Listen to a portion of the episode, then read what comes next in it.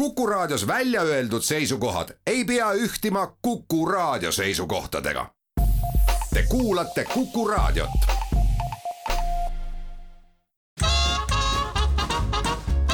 jäljed gloobusel tervist, on neljapäev, kell on saanud üksteist läbi, mis tähendab seda, et Jäljak gloobusel saade on algamas ja Väino Laisaar ja Andres Karu on taas mikrofonide taga ja ütlevad teile tere. suur tere ja selle saatega on nüüd sedamoodi, et me oleme oma jälgedega kolinud nüüd vahelduseks Lõuna-Ameerikast hoopistükkis taas Aafrikasse. Ja, ja räägime teile ühest põnevast väikesest riigist, mis on tegelikult ka ühe selle riigi naaber, millest me oleme siin mõni aeg tagasi juba rääkinud. Ja see on ka selles mõttes veidi teistsugune saade, et sellesse riiki minu, Väntsi jalad ei ole jõudnud, nii et suur osa sellest rääkimise aurust läheb nüüd ikkagi karu kanda. aga et sellele hoo sisse lükata, siis olgu öeldud, et see reis sai teil tegelikult alguse ühest teisest naaberriigist, mille nimi on Tansaania Just. ja käisite seal ära siis Kilimandžaro otsas ja seejärel ootas teid ees riik nimega Rwanda mis on siis hüüdlause poolest Land of Thousand Hills jah, tuhande mäe või tuhande künka, künkamaa, tõepoolest selle künkaid on päris palju ja kuigi see riik on Eestist väiksem, eks me nende päris täpsete numbriteni jõuame äh, mõne aja pärast, aga siis äh, sinna tõepoolest on neid äh, mägesid ja künkaid päris palju ära paigutatud ja kõige kõrgemad tipud asuvad siis ütleme siis lääne servas, kus, kus piirneb Rwanda sellise nii-öelda jutumärkides sõbraliku naaberriigiga nagu Kongo demokraatlik vabariik, nagu kui Ugandast rääkime, siis samamoodi. Uganda piirneb siis ka lääne poolt siis äh, Kongo demokraatliku vabariigiga ja sealpool on kõrgemad mäed. aga see minek jah, Rwandasse nagu Tansaaniasse oli juba selline ütleme noh, niisugune ehk aafrikalik ettevõtmine, et see, et täpselt sel hetkel, kui sa otsustad, et sa mööda maad liigud busside ja ma ei tea, mis asjadega liigud nagu Tansaaniast Rwandasse, siis kõik hakkab toimuma kohe. esimene asi, ma pean ütlema, et üllatav, kogu aeg tundus, et varsti meist lasta, meid lastakse nagu üle ja tehakse meile mingit tünga ja kuskil me ühel hetkel seisame ja raha enam ei ole ja, ja kuhugi pole jõudnud ka aga millegi kuidagi kummalisel kombel ikkagi kõik kokkulepped, mis said tehtud, äh, küll ükski ei kehtinud nagu täpselt sellisena, nagu oli kokku lepitud, aga siiski kokkuvõttes nagu suures plaanis kehtisid, ehk siis kas me jõudsime äh, lõpuks Rwanda pealinna Kigalisse, jõudsime kas me maksime selle eest piletihinda rohkem, ei maksnud, küll aga see reis võttis rohkem aega, kui plaanitud oli, siis vahepeal mingi ööbimise eest me tõepoolest pidime nagu juurde maksma, nii palju, nii palju läks see reis kallimaks, aga tõepoolest hakkasime Kilimanjaro alt minema ja kohe esimene peatus, kui esimese bussiga olime ühest linnast jõudnud teise, siis seal tuli meie nii-öelda reisikorraldaja või siis esindaja, nii-öelda selle bussifirma esindaja tuli meile kohe bussi peale vastu, ütles tervist, teie olete need, kes Kigalisse lähevad. Ja jah, need me oleme. Nüüd on selline värk, et eh, vot see buss, mis pidi teid nüüd eh, siin kahe tunni pärast peale võtma ja Kigalisse viima, et eh, see läks katki. Aga me vaatasime, et me saame teid hoopis ühte teise linna, et mis on hoopis nelisada kilti teisel pool, aga sinna jõuab eh, kaheksa tunni pärast üks teine buss ja te nelja tunniga peaks sinna kohale jõudma. et kaheksa tunni pärast jõuab sinna üks teine buss ja see viib teid hoopis ühte kolmandasse linna, mis on kuussada kilomeetrit veel rohkem valel pool. ja aga sealt homme hommikul on ju, võtab mingi neljas buss teid peale ja see viib juba täiesti otse Kigalisse ära ja meile see kõlas nagu nõnda, et no ma ei tea nüüd, kas see on nüüd see risk, mille tahame võtta, aga ega meil eriti valikut ei olnud ja kuna me kogu raha ei olnud veel ära maksnud, siis mõtlesime, no mis siis ikka, et eh, noh, seiklus algab siit ja nii ta läks, on ju, istume bussi peale ja üllataval kombel kõik need, mis ta rääkis, nagu kehtisid tõepoolest. palju teid oli üldse? Eh, meil oli kuus, me olime jah, eh, kaks tütarlast, Airi ja Kärt olid meiega koos ja siis samuti noh, neli meest, Enro, Ragnar, Kaiko ja siis mina olime see matkagrupp, me me sealt veel Rwandast pärast liikusime edasi veel ka Burundisse, siis tagasi Tansaaniasse, aga noh, sellest juba, juba mõni teine kord, kui Burundist räägime. aga tol hetkel siis kuuekesi jah, kogu aeg mässasime oma suurte seljakottidega, sest kogu nagu Kilimanjaro varustus oli ja igasugused asjad olid kaasas, nii et noh, kuhugi me hästi ära ei mahtunud, kuskil pagasiruumid nii suured ei olnud, et need kotid ära mahuks, nii et tihti elasime nende otsas või need kotid elasid meie otsas. aga igatahes sadade kilomeetrite kaupa tasapisi nihkusime ja mõne ööga seal vahepeal nihkusime nihkusime siis lõpuks äh, Rwanda piirile nii lähedale, et me vaatasime, et kuule, et vaata, et jõuamegi kohale ja kõik on väga äge. siis oli jäänud kakskümmend neli kilomeetrit ja siis oli selle reisi võib-olla üks kõige niisugune lõbusam nagu lõik üldse läbimiseks oli see, et kakskümmend neli kilomeetrit on jäänud piirini ja buss jääb seisma täiesti suvalise koha peal mingil ristil ja siis äh, üle kõikide nende kanade ja kottide ja kitsede ja, ja kohalike ja bussi tahaotsa meie juurde tuli siis see nii-öelda bussijuhi abi ehk kes pileteid müüb, vaatab, et kõik oleks korras. see tuleb meie juurde, ütleb kuulge, nüüd on selline värk, et äh, ega me ikka päris sinna Kigalisse selle masinaga ei lähe aga ärge muretsege, et meil on jälle olemas transport teile, et meil on siin väljas autod ootavad teid, viivad teid ilusti piiri peale ära ja seal saate järgmised instruktaažid, no nagu spioonifilmis, et vot mine paremat kätt kollasesse majja, sealt saad järgmised instruktaažid, kuhu edasi minna ja no midagi polnud, siis meie matkakaaslane Enro puges aknast välja, hästi kõrged aknad on nendel bussidel, mis seal sõidavad. Ja siis äh, andsime akna kaudu, et ei peaks üle kõikide inimeste ronima ja loomade ja lindude on ju nende suurte seljakottidega, siis andsime kotid äh, aknast välja, saime ise ka sealt kuidagi tulema. Ja, ja olidki seal kaks mingit suht vana, mingid niisugused Ford Grenadad või mingid niisugused äh, suht laevad, aga noh, ikkagi, ikkagi täitsa nagu sõiduautod siis äh, lisaks meile olid seal mingid äh, Šveitsi ja, ja vist Prantsusmaa ja mingeid turiste oli veel, nii et äh, teine auto täideti nendega ära, me nägime veel, kuidas üks tüdruk ja üks toormees pandi nagu kottidele, lisaks pandi sinna pagasnikusse, nad et ja siis kaks meest jõuga surusid selle luugi kinni, nii et nad ikka sinna nagu koos kottidega ära mahuks, mahtusid ja jaksasid veel käe tõsta ja lehvitada meile. ja siis saime aru, et noh, et ega meil nüüd palju paremini tõenäoliselt ei lähe ja, ja nii täpselt oligi, meil oli siis ka üks universaal, mingi vana Ford. Ja me jagasime siis nõnda, et äh, mõlemad, mõlemad naised ja kaks meest läksid siis tahaistmele neljakesi äh, mis oli üsna tihkelt siis täis pärast seda. Ja siis äh, mina ja Kaiko siis olime need, kes istusime nagu juhi kõrval ette, et ees oli siis nagu kolm inimest. Ja ma pean ütlema, et see oli juba nagu noh, iseenesest nagu juba on kõik lõbus, rool on ka valel pool, neil on ju paremal pool oli sellel, sellel masinal ja siis äh, viimasel hetkel niisugune Aafrikale omaselt, enne kui masin liikuma hakkab, siis loomulikult ka tuleb autojuhi sõber igaks juhuks. tuleb ka veel neljandaks inimeseks sinna ette istuma ja siis oli nagu noh, me olime väga tihkelt nõnda, et mina ei mahtunud enam autosse ära, mul oli pea oli aknast väljas kogu aeg ja üks käsi ka nõnda oli, no aken oli lahti, noh, soe on seal, mingit probleemi sellega ei ole. käsi oli aknast väljas ja pea ka on ju, sest ta sisse ei mahtunud, mütsi keerasin teistpidi, et nagu noka alt tulev tuul selle, seda ära ei viiks ja katsusin suud kinni hoida, et liiga palju igasuguseid kiile ja, ja, ja mingeid kärbseid hammaste vahel ei ole. aga Kaikol oli, läks niimoodi, et, et tema oli täpselt seal keskel. Ja siis äh, tema pidi istuma nõnda, et äh, noh, manuaalkastiga masin on ju, siis et käigukang oli tema jalgade vahel. Ja siis ilmselgelt oli näha tema näoilmest ja mõminast, mis tema suust välja tuli, et kui sisse pandi teine või neljas käik, siis Kaiko tegi mm -hmm, mm -hmm ja, ja siis jälle õnneks, kui kolmas või viies pandi või esimene, siis ta rahunes ja, ja kõik olid õnnelikud. igatahes kõik see kakskümmend neli väga seikluslikult, mõnusalt jõudsime piiri peale, jälle kõik toimis. piiri peal olime kohal, muidugi autojuhid ütlesid, et ei, nemad küll meid teisele poole ei vii, et nüüd ikka võtate kotid selga, et teisel pool tuleb teile jälle korraldaja tuleb vastu ja siis öeldakse neile, et mis masinaga te edasi saate. ja, ja mis seal salata, jälle toimis. viisa koha pealt, Rwanda viisa, ma mäletan, et me mingi elektroonilise asja täitsime enne ära ja siis äh, neljakümne dollari eest me siis saime nagu äh, riiki sisse, nii et nelikümmend dollarit maksis äh, Rwanda tavaline viisa. aga piiriületus kui selline läks lihtsalt või missuguseid dokumente seal piiri peal vaja on? seal ma ei mäleta, et midagi nagu üle mõistuse keerulist oleks olnud, ma, ma mäletan seda, et Tansaania viisaga oli veidikene oli nagu keerulisem, oli piiri peal olnud, nii et Rwanda viisaga oli väga lihtne ja ma, ma mäletan, et elektrooniliselt noh, üldse võin ka selle ära öelda, et Rwanda tegelikult on Aafrika mõttes üks arenenumaid riike üldse ja nad on, nad on noh, ikka noh, see, et sa lähed bussi, sa saad, maksad raha ära, sa saad isegi pileti ja noh, niisugused kummalised asjad, mida ei kujutaks nagu ettegi, et võiks Aafrikas nagu juhtuda, on ju. aga seal täiesti toimub ka see ja, ja piiri peal samamoodi, kõik viisad, värgid väga ilusasti. ja, ja piiri peal siis meile, kui me olime nii-öelda riiki sisse saanud, siis äh, siis meile seal jälle mingi korraldaja tuli vastu, ütles no nii, et pooleteist tunni pärast tuleb siis see buss, millega te saate mõnusasti siis pealinna Kigalisse, et oodake ära.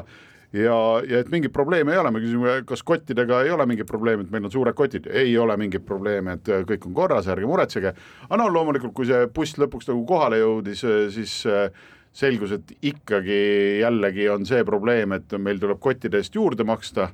mida me ei tahtnud teha ja siis me läbirääkimiste tulemusena nagu arutasime, et kui kaua me sõidame üldse ja ja kui raske see on, et kuidagi ei tahtnud kulutada kogu aeg raha mingitele lisa, lisapiletitele, mis kottide jaoks siis äh, tuli võtta, on ju, no enam-vähem see oli see suhe oli selline, et kui kuuekesi lähed, siis kui kotid ka olid, siis sa pidid nagu üheksa inimesed nagu pooltele pidid nagu, nagu nii-öelda lisakoha ostma, et kuna me ei tahtnud seda teha, siis me äh, peale ebaõnnestunud läbirääkimisi lihtsalt võtsime kotid sülle ja hoidsime kuni pealinnani neid äh, lihtsalt nagu süles, aga olime vähemalt riigis sees. Mis numbrid riigi kohta kehtivad, sellest noh, Väints on teinud jällegi eeltööd nagu alati, aga sellest me peame paraku rääkima teile pärast väikest pausi jäljed gloobusel. tere tulemast tagasi Rwandast, räägime täna Väntsiga, noh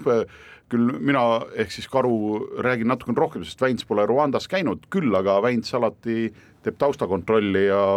paneb kirja endale erinevaid numbreid riikide kohta, räägi meile Rwanda numbritest. ja Rwandast on selles mõttes väga lihtne rääkida, et tegemist on suhteliselt pisikese riigiga pindala ainult kakskümmend kuus tuhat seitsesada üheksakümmend kaheksa ruutkilomeetrit, mis on siis ikkagi oluliselt väiksem kui Eesti, aga selle poolest on sinna elama sattunud kolmteist koma neli miljonit inimest, mis tähendab äh, seda, et äh, Rwanda on ka üks Aafrika kõige tihemini asustatud äh, riikidest üldse, on ju ja, ja mis veel põnevat jäi silma, oli siis näiteks see, et kui vaadata Rwanda lipule otsa, siis mingil arusaamatul põhjusel mulle esimesena kangastus silme ette kohe Kasahstan, sest ütleme, pool oma lipust, ülemise poole on nad siis võtnud justkui Kasahstani eh, lipu aluseks, seal on siis sama see senakas roheline värv ja, ja kollane päike, nii nagu ka Kasahstani lipu peal, aga siis alumised kaks neljandikku on nad siis teinud kas kollaseks ja siis tumeroheliseks on ju, et, et seal see paralleel lõpeb, missugune eh, sihe, side neil Kasahstaniga on, noh, mine tea, aga eks võib-olla tuleb ajapikku äh, välja. Ja, ja kui sa siin juba pealinnast rääkisid, Kigalist, siis seal elab üle miljoni inimese ja rahvusvaheline on see keskkond ka, näiteks nii-öelda riiklike ja ametlike keelte hulka kuuluvad siis Kinyarwanda keel, prantsuse keel, inglise keel ja suahiili keel mis iseenesest peaks tegema matkajatel seal reisimise hästi lihtsaks. küll on selles mõttes huvitav, et näiteks saksa keele kohta ei mainita mitte midagi, kuigi see riik on käinud ka vahepeal sakslaste all ja tegelikult on üsna keeruline ja kirev olnud see nende ajalugu, et neid on siin sakutatud siia ja sinna. aga tänaseks päevaks on nad siis ikkagi jäänud nii-öelda nagu vabariigiks ja, ja. jah, ma mäletan just, et viimane niisugune mis minu jaoks oli väga üllatav, oli just äh, see, et äh, nad olid viimane niisugune koloni-, koloniaalajastu oli neil siis Belgiaga seotud, kus nad olid siis Belgia ülemvõimu all, nagu ka naaberriik Burundi. Ja Burundi ja Rwanda on hästi sarnased selle koha pealt just, et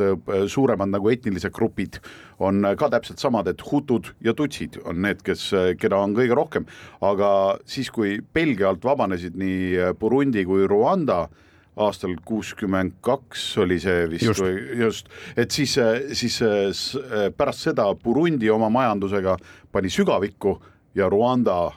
lähemale siis õitsengule Aafrika mõistes, nii et selles suhtes niisugune üllatav värk, aga jah, nad äh, prantsuse keelt äh, seetõttu räägivad natukene rohkem kui inglise keelt, nii palju ma sain tollest, tollest äh, seal käimisest sain aru, et prantsuse keelega on seal natukene lihtsam. no just ja, ja tegelikult on niimoodi, et Rwanda kuningriik on olemas olnud juba viieteistkümnendast sajandist alates ja, ja siis tuhande kaheksasaja üheksakümne seitsmendast aastast kuni tuhande üheksasaja kuueteistkümnenda aastani kuulus Rwanda Saksamaa alla või siis õigemini olid sakslased loonud sellise oma koloniaalriikide ühenduse eh, nagu eh, Saksa Ida-Aafrika. Ja, ja eh, selle hiilgeaegadel oli selle Saksa Ida-Aafrika pindalaks üheksasada üheksakümmend neli tuhat üheksasada üheksakümmend kuus ruutkilomeetrit, mis on tegelikult meeletu maalahmakas. Ja, ja siis tuhande kaheksasaja üheksakümne neljandal aastal oli selline tore saksamaine maadeavastaja nagu Gustav Adolf von Götzen kes oli siis esimene idaeurooplane, kes siis saadeti läbi selle riigi kõndima, mis oli siis nii-öelda juba ära otsustatud selle koloniaalistide ümarlaua käigus, kes mis riigi kuhu endale saab, missuguseid maavarasid keegi kuhugi liigutama hakkab. Ja, ja siis nii-öelda Götsen saadeti siis teele, anti lipp kaasa, öeldi, et mine nüüd käi ja vaata valdused üle. Ja, ja jõudis siis lõpuks välja ka kohaliku kuninga juurde, lõi lipu maasse, ütles, et nii, hea kuningas, see on nüüd siin kõik meie maa, nii et oleme selle lahkelt üle võtnud. ahah huvitav jah, see, ja siis aeg-ajalt valged inimesed imestavad, et miks aafriklased suhtuvad neisse nagu natukene pahuralt, ütleme niimoodi, või, või jah, nii väga hästi ja külalislahkelt mõnes kohas ei võeta mõne riigi inimesi vastu, mis on tihti eestlaste eelis, on see, et kuna meil ei ole koloniaalajalugu ja me ei ole kedagi kunagi anastanud ega kellegi maavarasid ja inimressursse nagu endale krabanud, siis tänu sellele suhtutakse meisse palju normaalsemalt kui tihti näiteks, ma ei tea, prantslastesse, hispaanlastesse, kellesse iganes. ja aga, aga noh, ütleme koledat siseriiklikku madinat on selles riigis ikkagi peetud äh, meeletus koguses ja, ja seal on siis äh, kaks suurt hõimu, hutud ja ja, ja tutsid, kes siis omavahel kuidagimoodi läbi ei ole, ei ole saanud ja, ja see riik ongi käinud käest kätte ja, ja siis näiteks tuhande üheksasaja üheksakümne neljandal aastal kasvasid siis need rahutused nii suureks, et, et sellise Rwanda genotsiidiks nimetatava nii-öelda event'i käigus või siis noh, kus on hea eestikeelne sõna on event on justkui nagu liiga heatujuline, on ju. muss mängis ja, ja rahvas tuli kokku ja, ja tehti ta, pauku. just, eh, ühesõnaga mitte selle heatujulise event'i käigus eh, tapeti ära siis hinnanguliselt pool miljonit kuni miljon tutsit, nii et, et, et see on ka tõenäoliselt üks selline märksõna, mis võib-olla inimestele, kes on uudiseid lugenud, televiisorit vaadanud, selle üheksakümnendate keskpaigast ikkagi jäänud meelde ja seal äh, jah, ka naaberriigid on rääkinud, et me näiteks tol ajal oli see tõesti, et äh, noh, miks see number ongi selline pool miljonit kuni miljon, on see, et siis näiteks ka jõed, mis äh, üle piiri läksid naaberriikidesse, et äh, noh, naaberriikide kodanikud rääkisid, et sealt ikka sai nagu tõmmatud nii palju neid mõrvatud inimeste surnukehasid välja, et see oli noh, et keegi ei lugenud neid või keegi ei otsinud, et kes nende omaksed on, mis iganes, sest neid oli nii tohutult palju, aga jah, sellised jamad on jah, ja nad on hutud-tutsid nagu pikka aega, nüüd nad on nii-öelda sõjakirve nagu maha matnud. Ja eksisteerivad koos, ega nad suured sõbrad ei ole siiamaani, see on, see on täiesti selge, aga nad saavad üksteisega hakkama, nad on kuidagi aru saanud, et eh, noh, ei maksa jamada, aga enne vanasti oligi täpselt nii, et kui Hutu oli pealikuks, siis eh, tehti tutsidele nagu viga ja kui tuts oli pealikuks, siis hutud said nii, et tolmas on ju ja täpselt eh, niimoodi on sajandite jooksul seda vaenu siis omavahel nagu keritud ja keritud ja siis selliste väga suurte nagu tapmistega on ta siis kulmineerunud mingitel hetkedel jah, seal veel mingeid väiksemaid gruppe on veel, aga jah, hutud-tutsid siiamaani siis äh, kõige suuremad. aga no äh, tänapäeval seal reisides on ikkagi selles mõttes kõik rahulik, et lähed ja, ja keegi, keegi ei tule sind matšeetega selja tagant lööma. aa ei, ei, ta on Aafrika mõttes ikkagi üks absoluutselt üks kõige turvalisemaid riike üldse on Rwanda, et seal ei, ei pea üldse nagu muretsema selle pärast. räägi natukene sellest, uude riiki lähed, ikka on vaja mingisugust internetti endaga kaasa võtta, võib-olla see kodumaine roaming ei tööta või on, või on koletult kallis, kuidasmoodi seal see interneti kaardiga on ja, ja kas kaardid töötavad, saab asjade eest maksta? seal äh, me räägime muidugi kümne aasta tagusest ajast, äh, sest aastal kaks tuhat kolmteist täpselt siis äh, seal seiklesime ja just nimelt enam-vähem sellel samal kevadisel ajal ja seal tõesti esimesed probleemid, mis meil olid, esimene asi, mis me aru saime, on see, et kui me sealt Ru-, Ruusumo piiripunktist siis olime riiki sisse tulnud, siis saime aru, et roaming ut ei ole. nagu mingi Soome küla. jah, Ruusumu ja, ja, ja me saime aru, et internetti ja, ja, ja roaming ut nagu mitte mingisugust ei ole, et isegi suure raha eest sul ei ole võimalik nagu ei helistada, ei netti, mitte midagi, no ütleme kümme aastat tagasi see eh, telefonist neti otsimine oli ka niisugune natukene teisejärgulisem kui praegusel hetkel, aga siiski, et roaming uga täielik probleem ja ikaldus oli tol ajal. Ja teine jama, mis me hästi varsti avastasime, oli see, et, et äh, Mastercardiga ei saa maksta ja ei saa ka raha välja võtta. Ütlen veel kord, see oli kümme aastat tagasi, ma ei tea, kuidas see arenenud on, visakaardid töötasid hästi, aga probleemi meil oli, sest äh, nagu väga paljud või noh, kõik Eesti inimesed, kes pankadega nagu asju ajavad, te teate, et äh, ei ole liiga palju Eestis äh, neid finantsasutusi, kes Visa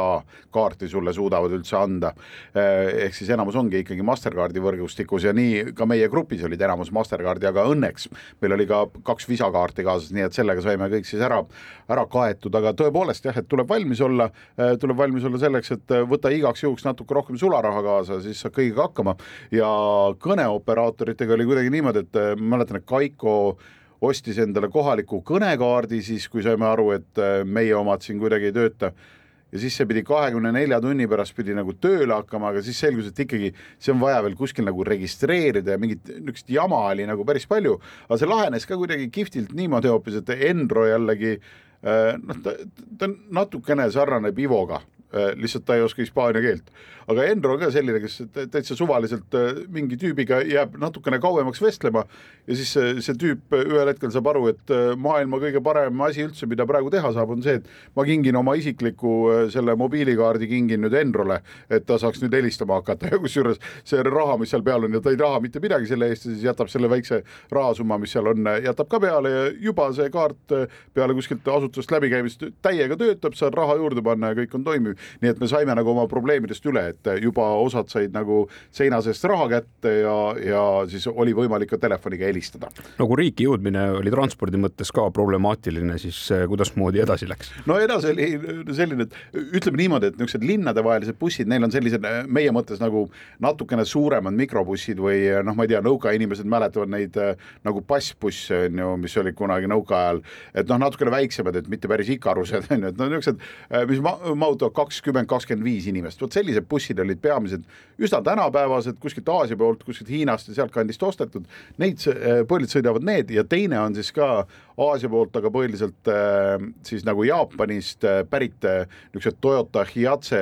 väiksed bussid, aga need on tõesti niisugused ausõna peale nagu ma ei tea, kuidas nad koos püsivad ja noh, et umbes no, see kogu aeg enne kui sõitma saad hakata, siis ikka kutsutakse kuus kohalikku, kes selle kõigepealt käima lükkavad ja niimoodi, et jälle mingi kruvikeera pannakse mingite otste vastu ja siis kuidagi hakkab tööle ja nõustub nagu koostööd tegema, et no niisugune, see on umbes nende transport, aga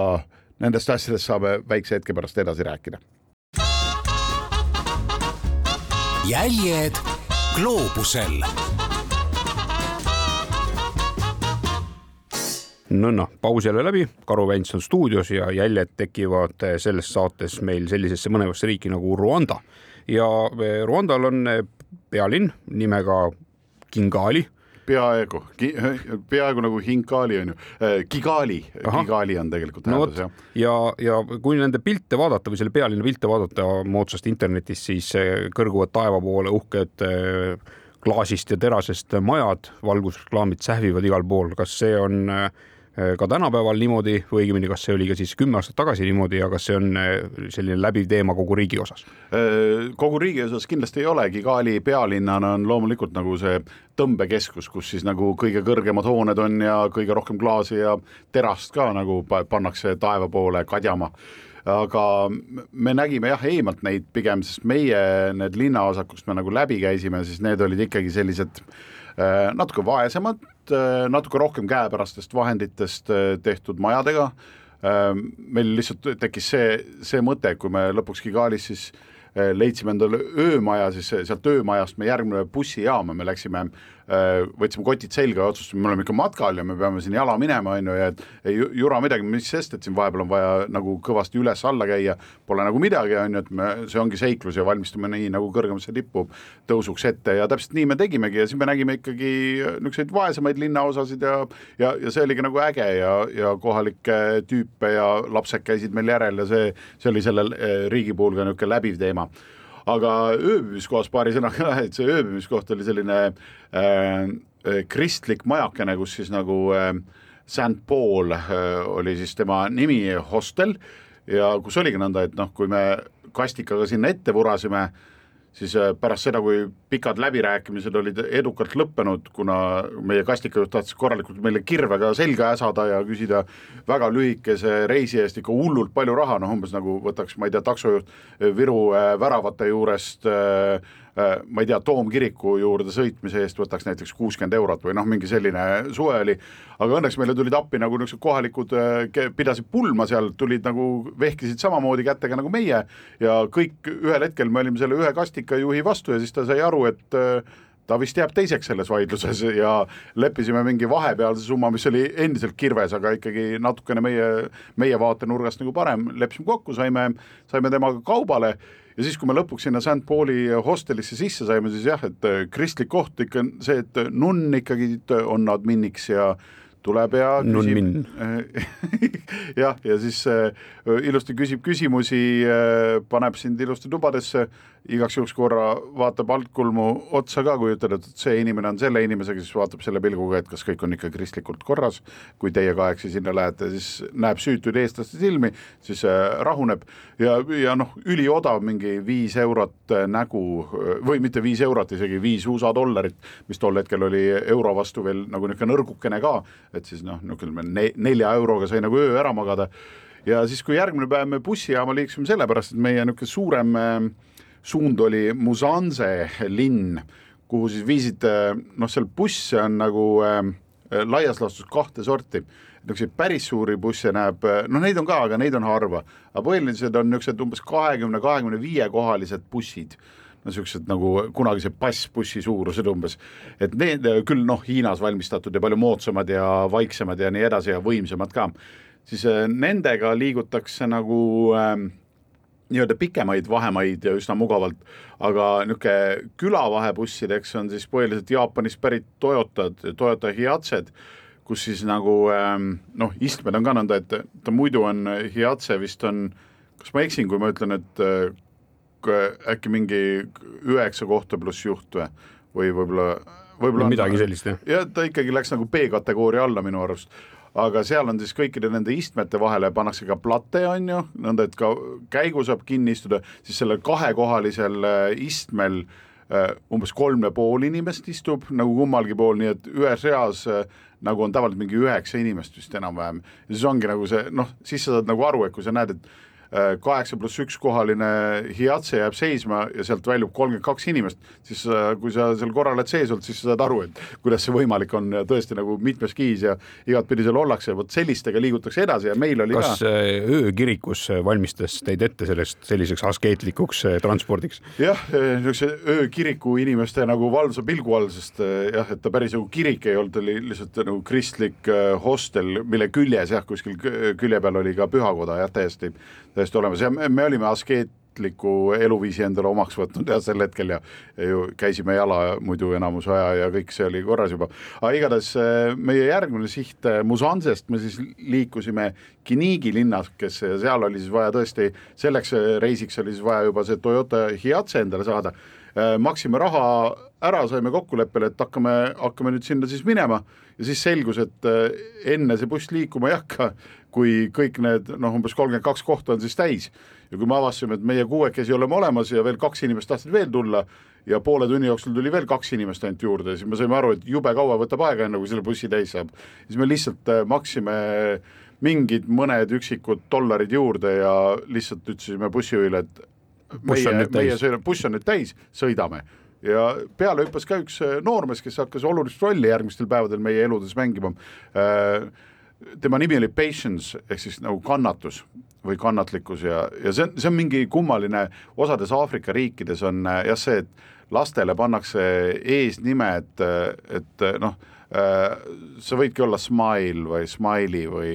noh, naeratus näiteks või noh, niisugune mingid inglisekeelsed nimed, mis midagi tähendavad, et siis on nagu välismaalastel ka lihtsam meelde jätta. ja meile siis sattus nagu kanna, kannatlikkus sattus siis meie juhiks niisugune tõenäoliselt niisugune napilt kakskümmend täis kutt ja tuli ja ütles, ja ma aitan teil hotelli leida ja, ja esimene hotell ei sobinud, läksime teise, kõik tema aitas läbi rääkida äh, ja seletada, et miks need tüübid tahavad äh, kaheses toas olla palju rohkema pundiga ja miks nad äh, noh, sellised on, keegi ei saanud nagu aru, ta üritas neile seletada, tõlkis mässa, siis ütled, et homme hommikul siis vara on ju, tulen seitsmeks siia, et siis, siis lähme koos sinna, siin on lähedal see vulkaanide park on ju, kus teie matka algab, aga seal on kõigepealt vaja registreerida oma minek ja siis väga hea, niisugune kõndiv teatmeteos käib meiega kaasas, väga tore on ju. Ja siis hommikul oligi kohal, enne kui meie veel ärgata jõudsime, oli Patience juba kohal, kannatlikult ootas, sõime seadsime ennast valmis ja siis äh, läksime tema hämmastuseks muidugi jala, tahtsime minna sinna, ma ei tea, nelja kilomeetri kaugusele siis äh, äh, vulkaanide pargi, pargi väravasse, sest kõik, kes vähegi mööda sõitsid, sealt džiibid, mis olid valgeid inimesi täis, et noh, kõik sõitsid ja kõik vaatasid meid, eriti mustanahalised, kõik vaatasid niisuguse näoga, et miks te küll käite siin, on ju, nendes noh, tee ääri mööda, valged inimesed, kõnnite, mis teil viga on on ju, sest kõik sõidavad autoga seal ja no, viimane valge mees, kes seal kõndis, oli see Gustav Adolf von Götzen ja just lipuga kuninga juurde. ja ega tal hästi ei läinud ka tänu sellele, on ju, umbes. ja siis, äh, kui me jõudsime vulkaanide pargi väravasse, siis vulkaanide park äh, äh, seal oli palju sagimist ja, ja mitte sellepärast, et see kõrgem tipp oleks väga atraktiivne, vaid äh, hästi palju on ju inimestel, kes on näinud nagu mägikorilladest nagu pilte, siis tekib vastupandumatu soov endal ka ühte sellist pilti omada, kus noh, enam-vähem saad mägikorillaga selfie teha, on ju, sest äh, nad on üsna niisugused leplikud ja kui sa liiga ärritavalt ei käitu, siis nad sulle ju nii-öelda käpaga selgeks ei tee, on ju, et mis, mis tüüp on ja kes on boss, on ju ja siis hästi paljud inimesed tulevad üle maailma kokku just nimelt, et äh, veeta aega ja see ei ole üldse, äh, veeta aega siis mägikorilladega ja see ei ole üldse nagu odav lõbu, isegi kümme aastat tagasi äh, tunniajane nii-öelda mägikorilladega koos aja veetmine maksis mingi seitsesada viiskümmend dollarit. ja, ja samas noh, võrdluseks siis kõrvale, et noh, et kui, kui meie võtsime kahepäevase äh, koos giidide ja toitlustuse ja siis relvastatud valvega noh, kuna Kongo Demokraatliku Vabariigi piir on ikkagi sealsamas ja tipp on piiri peal, et kui me võtsime selle paketi äh, kuuele, kuuele inimesele, siis äh, näost me pidime maksma kolmsada dollarit ainult kahepäevase paketi eest, võrdlus siis seitsesada viiskümmend tundi aega gorilladega. aga meil läks siis nii hästi, et kui me kui me nagu järgmine päev minema hakkasime, siis etteruttavalt võin ära rääkida, et me ikkagi nägime gorillasid ka. Et kõndisime ühel hetkel ja ühel hetkel mine metsa, näed, puu otsas üks gorilla ja söövad seal rahulikult mingeid lehti ja värke ja, ja kuskil teine väiksem seal, aga grupijuhid olid kuidagi, need giidid olid väga, väga niisugused, ei, ei, lähme edasi, liigume edasi, ei tohi pilte teha, pilte ei tohi teha, lähme edasi, lähme edasi. Ja noh, takkajärgi saime Patience'i käest siis teada, et see see probleem on neil, et kui kuskilt imbuvad välja mingid pildid ja seal on nagu näha, et ahah, need tüübid on ka pildi peal, umbes nemad ise on koos nende gorilladega, et on näha, et vot selle grupi, see grupi juht oli ja siis gorillasid käisid vaatamas, et nemad, kuna nad olid need, kes viivad Mäkke, siis eh, noh, nemad ei tohtinud nende piltide peal olla, siis nad kartsid kõige rohkem seda, et nemad jäävad koos meie gorilladega piltide peale seda, seda nad üldse ei tahtnud, sest sellest tuleks ilge jama. vot, aga sellest vulkaanide pargi väravast eh, on üht koma teist veel rääkida, aga seda pärast väikest pausi jäljed gloobusel. nõnda, oleme tagasi ja, ja oleme nüüd omadega jõudnud siis vulkaanide pargi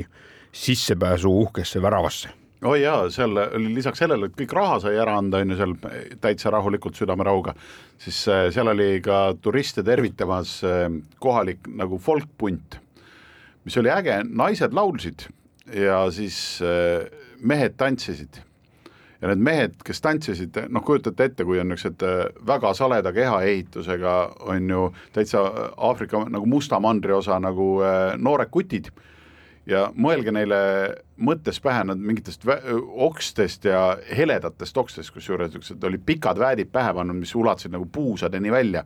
umbes nagu rastapatsid, aga lihtsalt mingist looduslikust materjalist, mingit taimsest asjadest olid pannud niisugused peakatted endale või juuste külge. nii et äh, niisugused hüppavad niisugused blondid äh, mustanahalised tüübid olid seal nagu põhimõtteliselt, hüppavad meeletult kõrgele, ainuke asi, mis nagu oli veidi kummaline, oli see, et nende nende noh, niisugune ülilai naeratus, mis neil näos oli, sellest ikkagi nagu eestlane ühel hetkel, sa vaatad seda ja siis saad aru, et ai, see on ikka natukene niisugune tehtud ja natuke fake nii-öelda, et, et see ei ole päris loomulik, et nad on harjunud, et see siin jälle järgmine punt tuleb, sest tõenäoliselt see tantsupunt äh, seal igal hommikul tegi kaks-kolm korda seda oma tantsu, sest järgmine hommik, kui me läksime nagu, hakkasime minema nagu päriselt mäkke, siis äh, olid kutid jälle kohal ja hüppasid sama kõrgele ja, ja naeratus oli sama lai äh, nagu kivistunult näos. vot niimoodi, et see, saime nii-öelda kohalikus kultuuris ka väikse osa ja kui me raha olime ära andnud, siis äh, ütlesime patient'ile, et me ei taha teie äärest nagu tagasi minna, kuule, lõikame siit otse üle põldude ja põldude peal, see oli hea nagu plaan, sellepärast et saime näha ka nagu kohalikke äh, inimesi tööd tegemas. Ja Rwandas midagi ei ole teha, samal ajal kui siis mehed tantsivad turistidele, siis enamus naised olid põllu peal. Ja käes olid neil siis kas suured kõplad või siis äh, matšeeted, kaks, kaks varianti. Ja tegid kõiki erinevaid töid, kõplasid ja, ja lõikasid seal ja müttasid ja kobestasid ja kõike seda ja, ja siis äh, nägime ka noh, erinevaid niisuguseid, äh, mis on väga arenenud, on seal niisugused äh, väga arenenud algelised niisutussüsteemid nagu kõik. See, see on ka hästi kihvt, mida sellistes kohtades nagu mulle väga meeldib vaadata, et kuidas need kanalid ja mingid need niisutuslaigud on, et see on omaette nagu täiesti niisugune insener-tehniline lähenemine, tundub niisugune lihtne, aga tegelikult on geniaalne ja, ja hästi, hästi äge. ja kui me siis selle päeva õhtul veel võtsime mõne õlle ja, ja siis äh, panime plaane paika, kuidas järgmine ja ülejärgmine päev siis tippu jõuda, siis äh, avastasime ühe asja ka, et mis meil on puudu, gaas, et meil ei ole nagu äh, Priimuse jaoks gaasi, siis äh, kohalikud taksod on äh, põhiliselt motikad, et sa lihtsalt lepid kokku, saad kiivri pähe panna, äh, hüppad talle taha istmele, siis ta sõidab sinna, kuhu vaja. ja siis me, mina siis osutusin selleks, kes läks siis sinna lähimasse linna äh, Äh, tsikliga siis äh, noh, takso tagaistmel nii-öelda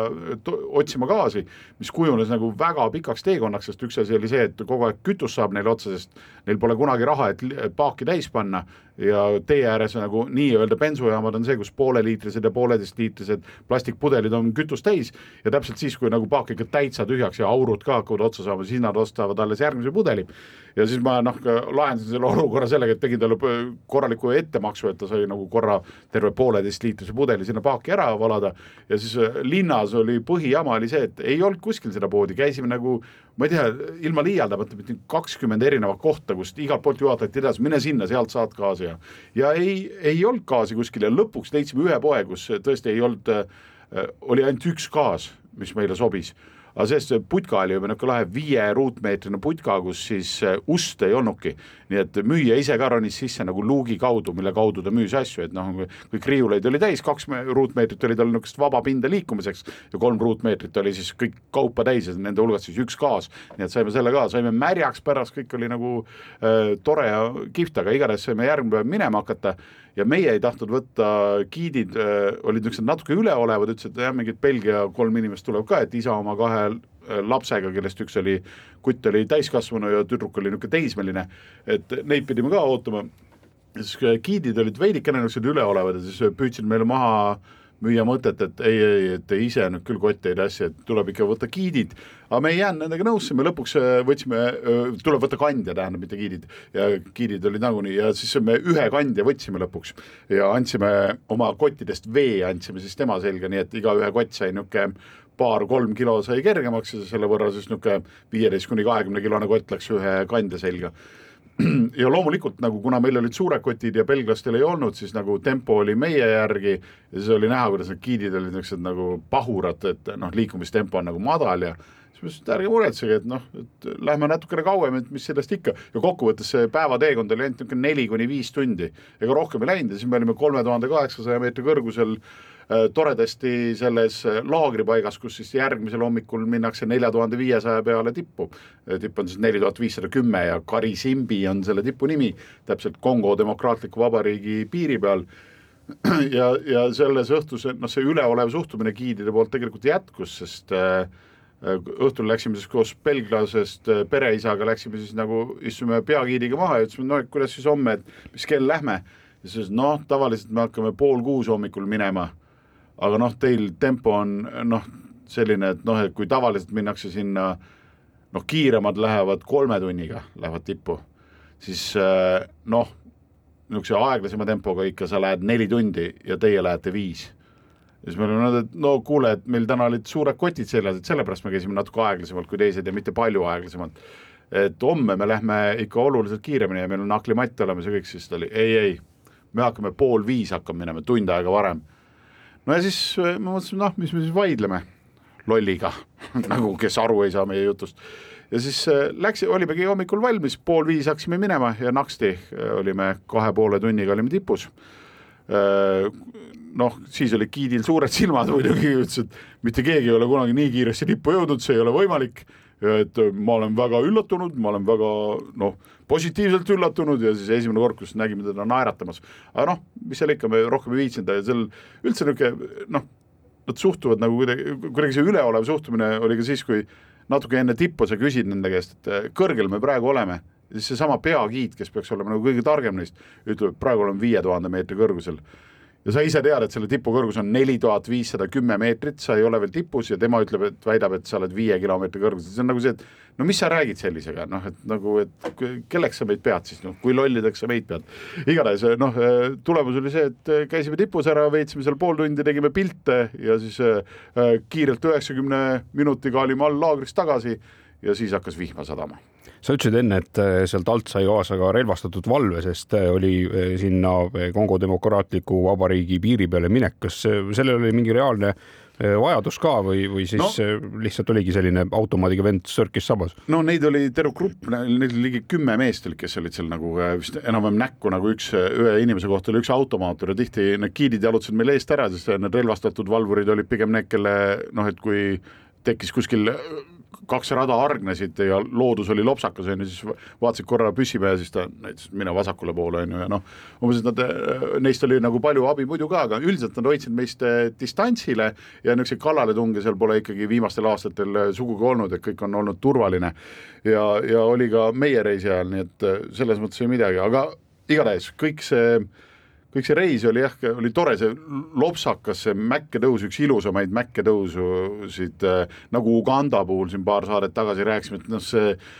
see on, see on lihtsalt nii ilus, kuidas tei-, ühe puu küljes kasvavad teised puud, sest kuhugi mingisse väiksesse orva on tekkinud veidikene huumust ja kuidas need õhujuured on ja igasugused kõik värgid, et noh, hästi ilus, hästi, hästi vahva, kõik kuskil ahvid hüppavad, kõik on nagu imeilus ja, aga alla tulles siis saime sealsele kandile omase niisuguse korraliku vihmasabina ka, nii et lõpuks kogu maapind voolas, rada sai jõeks, täiesti läbi märjanud, et noh, panime, enam oli, oli nii märg, et kuskil mujal näiteks telefone ei olnud hoida, hoida, siis meil eh, selle jaoks, et kui on ikka suur häda käes, nagu tol hetkel oli, siis eh, preservatiivid on ju ühed niisugused veekindlad asjad, et sa saad panna siis, meie tookord panimegi, paljud meie hulgas panid siis preservatiivi sisse oma nutitelefonid, et need jääksid ellu ja, ja, ja nii nad õnneks ellu ka jäid ja, ja siis viimased niisugused tunnid ja minutid ja päevad me veetsime siis äh, mäe all veel kuivatades, äh, lastekarjadega koos äh, küla vahel liikudes, äh, noh, seal kõik ka laste mingid mänguväljakud on sellised umbes, et noh, on turva jaoks on tehtud mingi noh, Liumäele, et kui sa alla jõuad, siis on tehtud igaks juhuks sinna laastusid täis kast alla, aga see kast on umbes niisugune kaks korda kaks meetrit ja see serv on umbes niisuguse põlveni mis tähendab, kui sa hooga tuled ja nagu seal mingil põhjusel nagu hooga natukene inertsist edasi lähed, siis lihtsalt näoga künnad sinna kasti serva sisse ilusasti. no neil on seda omamoodi arusaam on turvalisusest äh, Rwandas, pean ma ütlema kuidasmoodi inimesed, millised nad näevad välja, on nad äh, mingisugustes rahvariietes või, või pigem sellised äh, jalgpallisärk minimalistlikult? ja, ja jalgpallisärk ja, ja sellised lihtsalt värve on palju, et silmal on ilus vaadata ühtepidi nagu arenenud, aga siis sa Rwandas näed ka hästi palju seda, et jälle seesama, et su kõrval istub nagu äh, bussis mees, on ju, kes äh, noh, ja tal on kolm kana on kaenlas, kes on elus nagu selles mõttes, et nagu ja et seda, seda juhtub seal pidevalt, et on äh, niisugune üllatusi tuleb, aga samas on nagu kuidagi kuidagi nagu tore, aga noh, ka see väikebusside kulminatsioon oli lõpuks, kui me sõitsime juba edasi Burundi poole, siis viimane väikebuss Hiatse siis, millega sõitsime, siis nagu äh, sellel oli bussijuhi abi, siis oli see, kes äh, kuskil linna vahel liikudes igal ristmikul jooksis ette, vaatas kahele poole ja siis käega kutsus, et tule ja siis sõitis ristmikust üle, saime aru, nii nad üritasid politseinikke vältida, et mitte vahele jääda, sest noh, tõenäoliselt ei olnud seal ei ülevaatust ega kindlustust ega mitte midagi muud. vot äh, aeg ütleb, et äh, aeg on otsas. eks ole. Rwandast rääkisime täna